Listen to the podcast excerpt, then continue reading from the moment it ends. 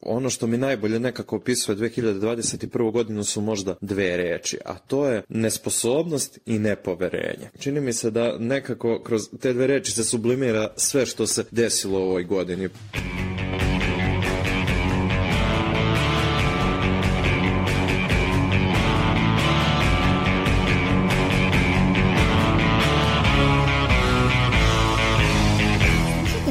Podcast Reaguj nezavisnog društva novinara Vojvodine. Ja sam Iva Gajić, a na ovoj epizodi radili su i Sanja Đorđević, Nemanja Stevanović, Sanja Kosović i Irena Čučković. Prošla je još jedna godina od kada se družimo. Prošle godine posvetili smo dve epizode tome šta je obeležilo staru godinu i tome šta možemo da očekujemo u sledećoj. Ovu epizodu posvećujemo tome šta smo pogodili, a šta smo pogrešno predvideli u godini iza nas. Istovremeno, ova epizoda poslužit će kao pregled čitave 2021. godine, ali i uvod u to šta možemo da očekujemo od nove 2022. godine. U prošlogodišnjem osvrtu razgovarali smo sa stručnjacima o tome šta možemo da očekujemo u 2021. godini. Sada, kada je ta godina iza nas, pitali smo mlade šta je za njih obeležilo 2021. godinu u društveno-političkom kontekstu i po čemu će je pamtiti. Po početku vakcinacije, po digitalnim sertifikatima, po lošim politikama, protestima i šta je još, inflaciji. Protesti i protesti i ovi poslednji protiv eh, Rio Tinta i oni ovaj protiv zagađenja vazduha u BG, pa čak i oni anti-vax protesti.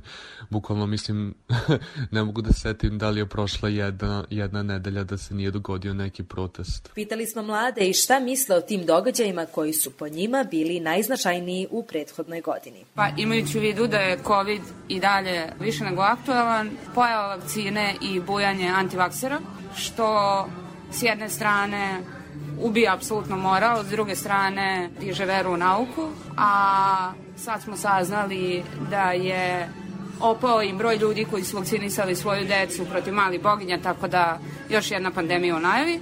S političke strane, Čile pobeda krajnje levice nad desnicom i kao totalni opozit poljska zabrana abortusa i smrt mlade žene kao posledica svega toga. Ono što mi najbolje nekako opisuje 2021. godinu su možda dve reči, a to je nesposobnost i nepoverenje. Čini mi se da nekako kroz te dve reči se sublimira sve što se desilo u ovoj godini. Prvo, nesposobnost ljudi na položajima odgo odgovornih da nađu pravi način borbe protiv pandemije ili pravi način da ubede ljude da se vakcinišu. Vakcina je bilo, ali nismo odziv građana očigledno nije bio nije bio zadovoljavajući, pa to nisu pratile adekvatne mere, nepoverenje građana u institucije, nepoverenje građana u ljudi koji treba da donose te odluke i vidimo da se to nepoverenje na kraju manifestovalo ovim ovim i protestima koje smo imali gde ljudi jednostavno ne veruju više, ne veruju više organima vlasti, makar ja imam takav utisak i to je ono što meni sada ovako prvo pada na pamet,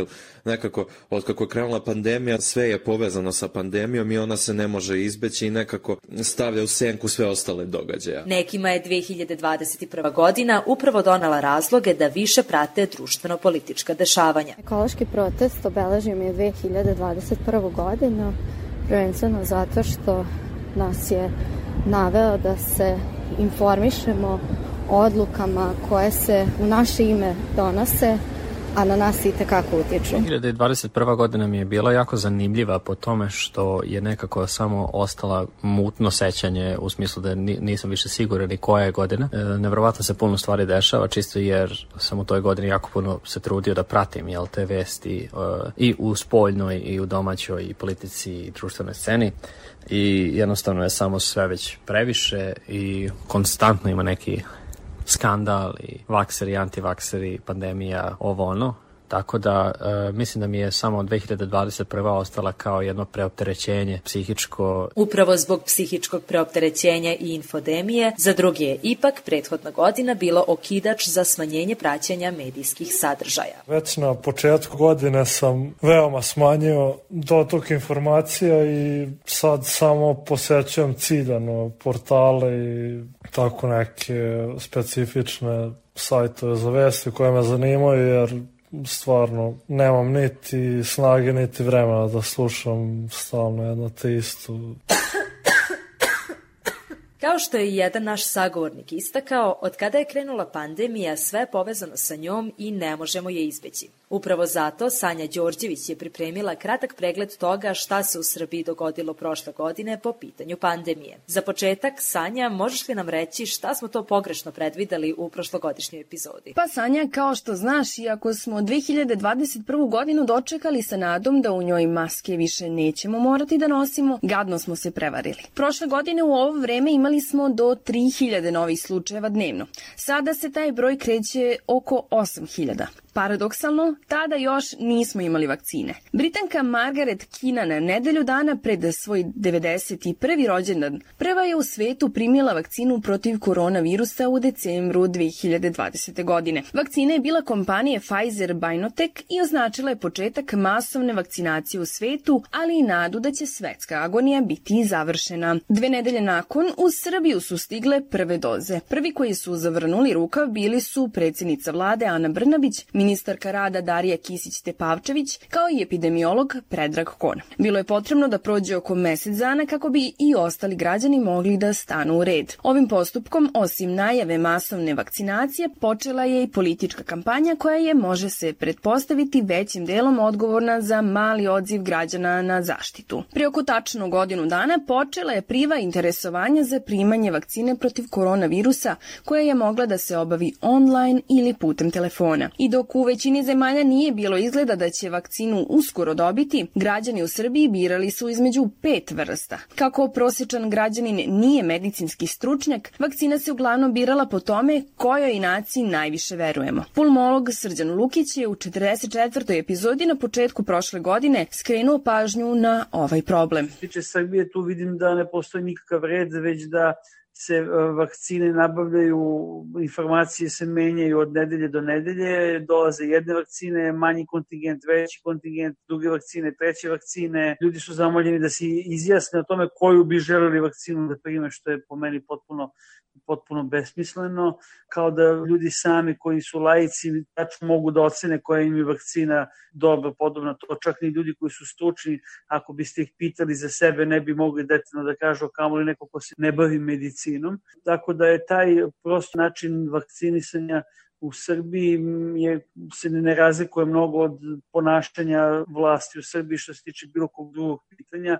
Bukvalno sve je politiziranje i politikanstvo i sve što se u Srbiji radi, radi se samo iz vizure da vlast koja to radi izgleda dobro. Prioritet su imale starije osobe, zatim medicinski pa prosvetni radnici, državni službenici, hronični pacijenti pa tek onda ostalo stanovništvo. Broj vakcinisanih dostigao je vrhunac rasta u junu, kada je za pet meseci 38% građana primilo bar jednu dozu. Od tada pa do danas, odnosno za oko šest meseci, broj prvo vakcinisanih porastao je tek za 10%. Obećanje o isplati novčane naknade za vakcinisane u maju je neke građane još više razbesneo, ali neke i motivisao. Kako bi omogućile ravnopravnu distribuciju vakcina svim zemljama, međunarodne organizacije poput UNICEF-a i Svetske zdravstvene organizacije postavile su COVAX sistem. Preko ove mreže u Srbiju su vakcine stigle tek u avgustu, što neke građane koje nemaju poverenja u vlast navelo da posumnjaju u kvalitet do tada nabavljenih vakcina. Zbog nedovoljno brze vakcinacije u celom svetu i izuzetno velikog broja zaraženih, došlo je do mutacija, pa sada, pored prve verzije, imamo i alfa, beta, gamma, delta i omikron soj.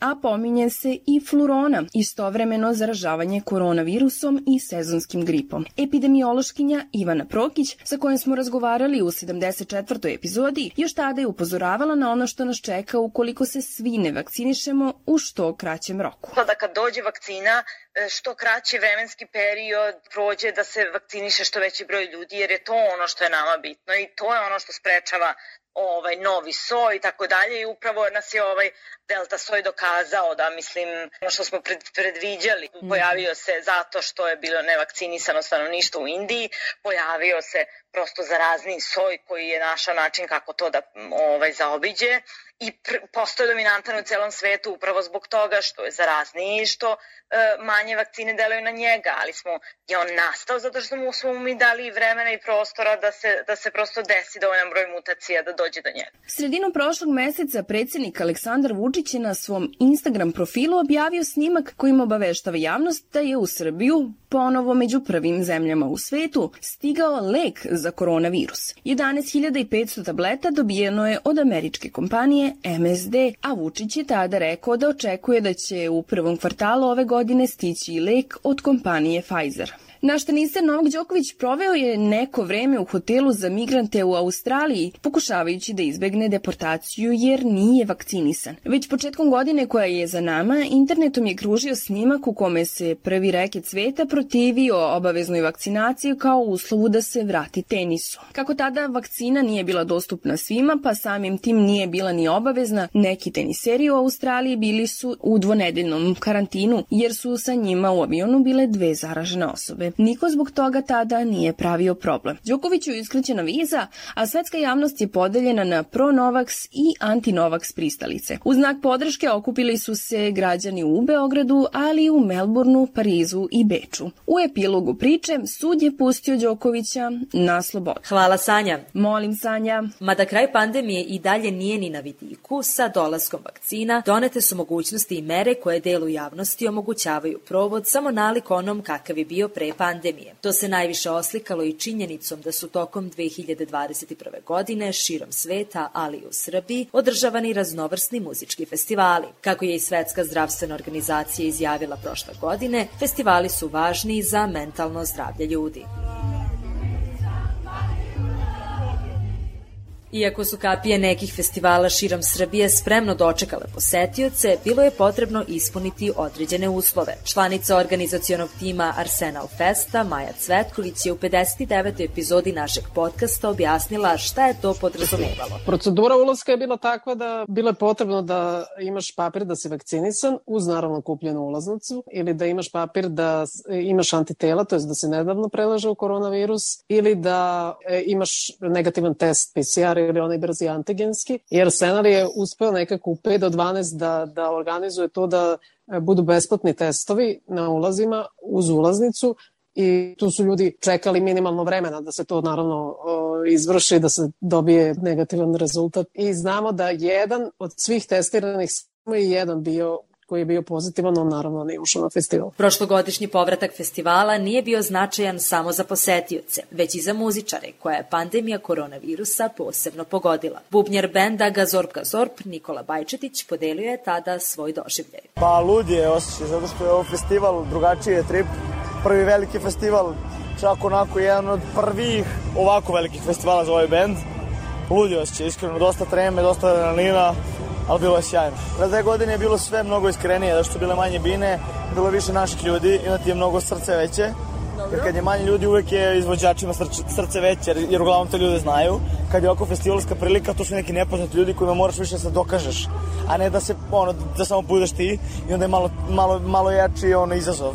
Mislim, definitivno je veće uzbuđenje sada. Provod sličan onom kao pre, delu javnosti omogućile su i validne COVID propusnice, tačnije zeleni digitalni sertifikati. Mada je delu javnosti ovo omogućio nesmetan i relativno siguran provod, drugime je ipak bio razlog za bunt i predstavljalo je vid diskriminacije. Irena, možeš li nam reći nešto više o tome? Naravno, Sanja. 2021. godinu obeležilo je nekoliko protesta organizovanih različitim povodima. Neki od njih bili su upravo protiv uvođenja spomenutih COVID propusnica. Novinarka Milica Kravićak-Samit bila je sagovornica u 70. epizodi podcasta Reaguj, u kojoj smo govorili o aktivizmu u doba korone. Zanimljivo da su borbe dobile drugačije oblike, tebi sa koronom i sa celom tom haotičnom epidemiološkom situacijom globalno, jačaju neke potpuno čudne strukture koje se bune. Mi imamo protesti u Sloveniji svaki dan, oni su uglavnom jel tako, usmereni na neku čudnu stranu, po mom mišljenju. Dakle, borba protiv e, ovih mera koje su jake. Ja mislim da su tu tako pobrkani lonci, da, da se usmerava i gnev i nezadovoljstvo vlastima i nekako se preusmerava na i izjednačava sa borbom protiv korone, to nikako ne bi smelo da se desi. Kravićak Samit naglasila je i da je važno da budemo oprezni za kakve se stvari borimo. Postoje bukvalno ono, suludih, su, suludih borbi koje prosto nisu opravdane i ne čine dobro svetu, tako da znam da je granica problematična, diskutabilna, ali postoje pametni ljudi koji, koje treba da slušamo. Postoje ljudi i dalje, moram da verujemo u fakultete i društvene centre, naučne centre koji i dalje gaje obrazovan svet.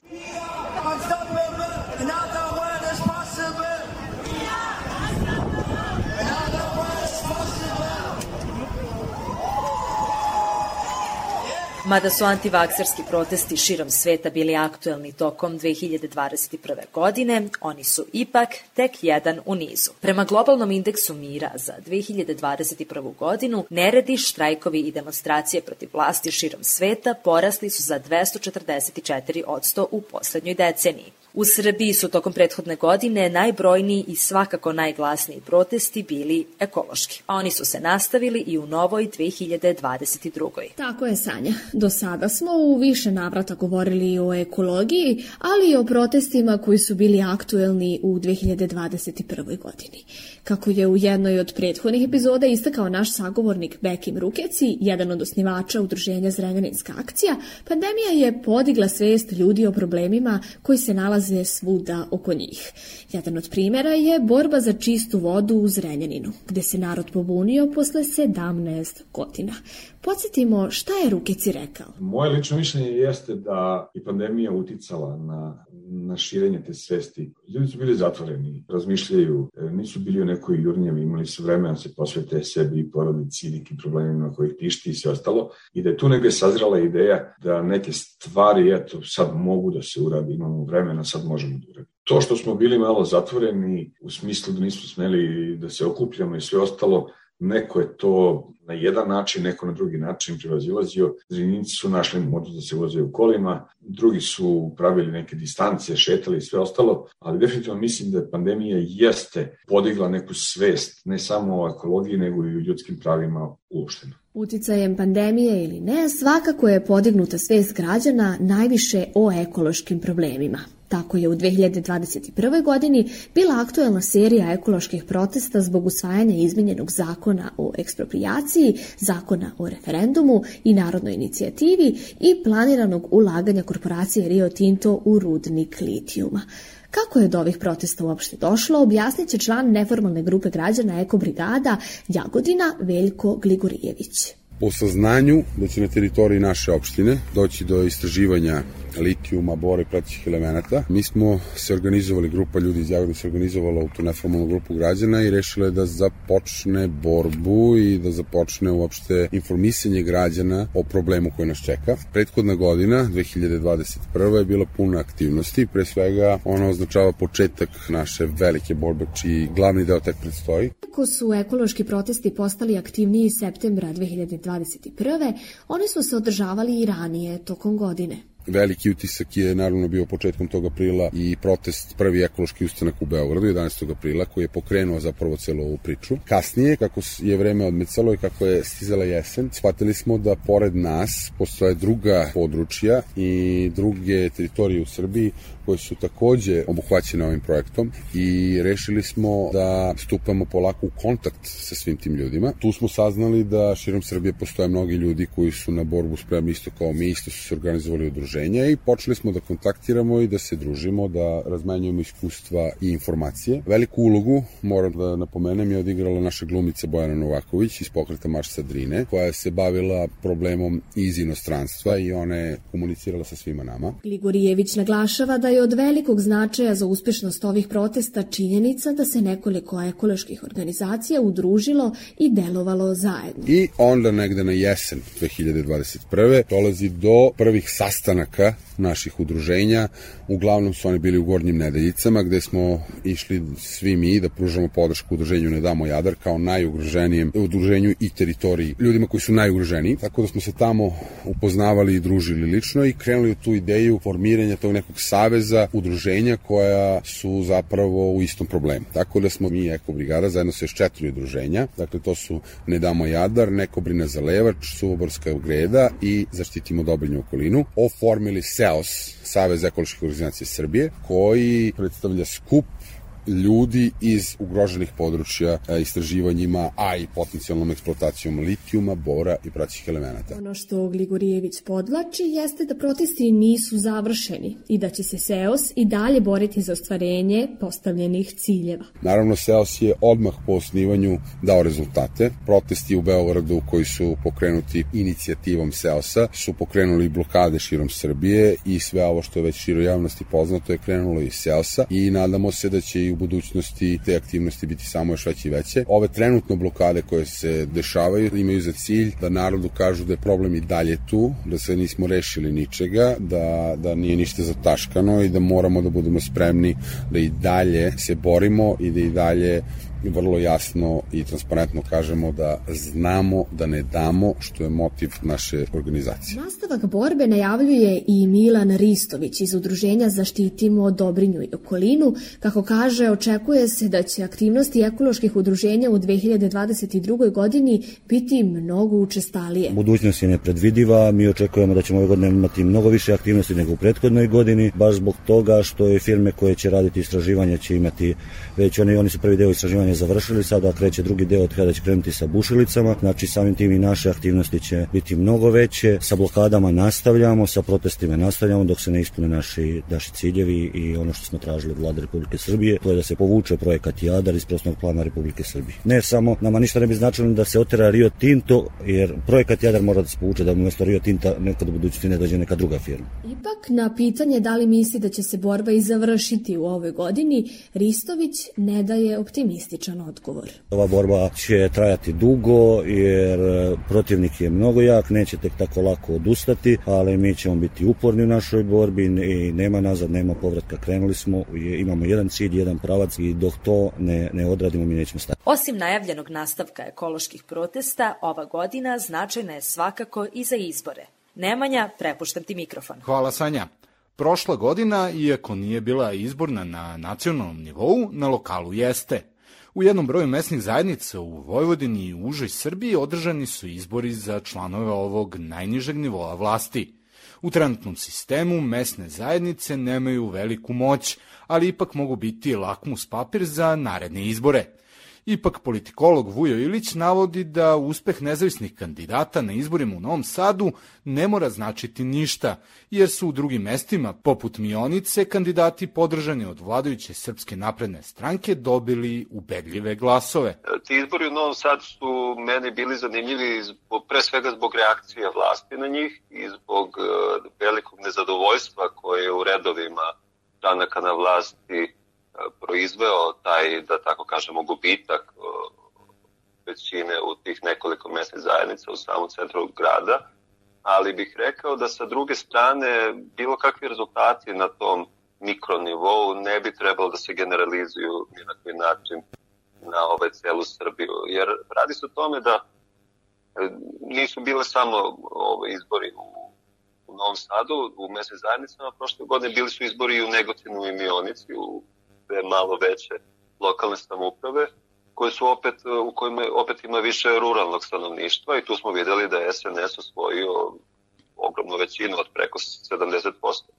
I, I to nam zapravo više govori da ne da, da, da sada te promene u, u tim jezgrima gradova mogu da se generalizuju, već koliko je velika polarizacija zapravo.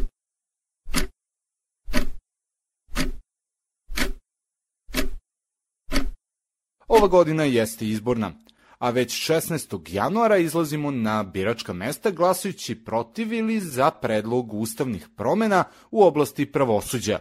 Interesovanje političkih aktera je malo za kampanju, bilo za ili protiv.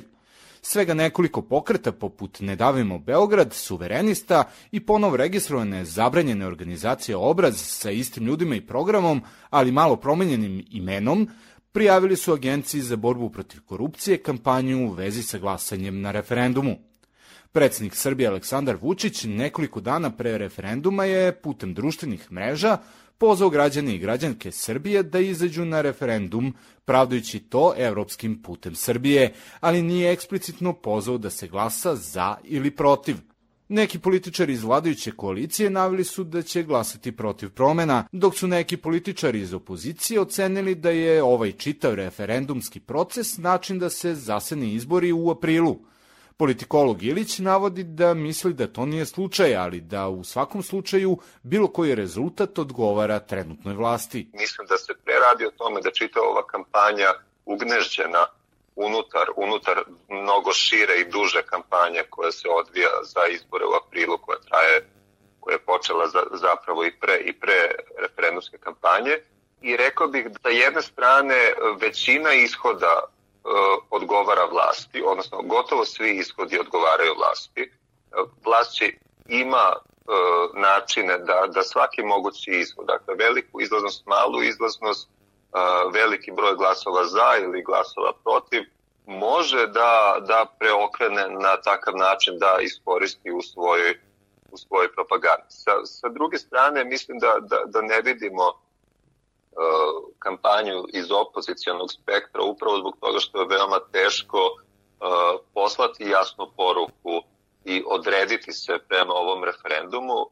Vujo Ilić smatra da je direktna demokratija jedini način da građani zapravo učestvuju u donošenju odluka, pa tako kada je i reč o ustavnim promenama u oblasti pravosuđa, o čemu je i referendum koji nas očekuje. Međutim, iako se ne zna kako će građani glasati jer nije bilo dovoljno relevantnog istraživanja javnog mnjenja, Ilić vidi veći problem u tome što građani ni ne znaju o čemu treba da se izjasne. To je veoma loše iskomunicirano, ako je uopšte komunicirano, neke, neke zakonom predviđene stvari jednostavno nisu urađene. RIK je bio u obavezi Republička izborna komisija da, da, da, da, da obrazloži građanima argumente za i protiv. To nije urađeno.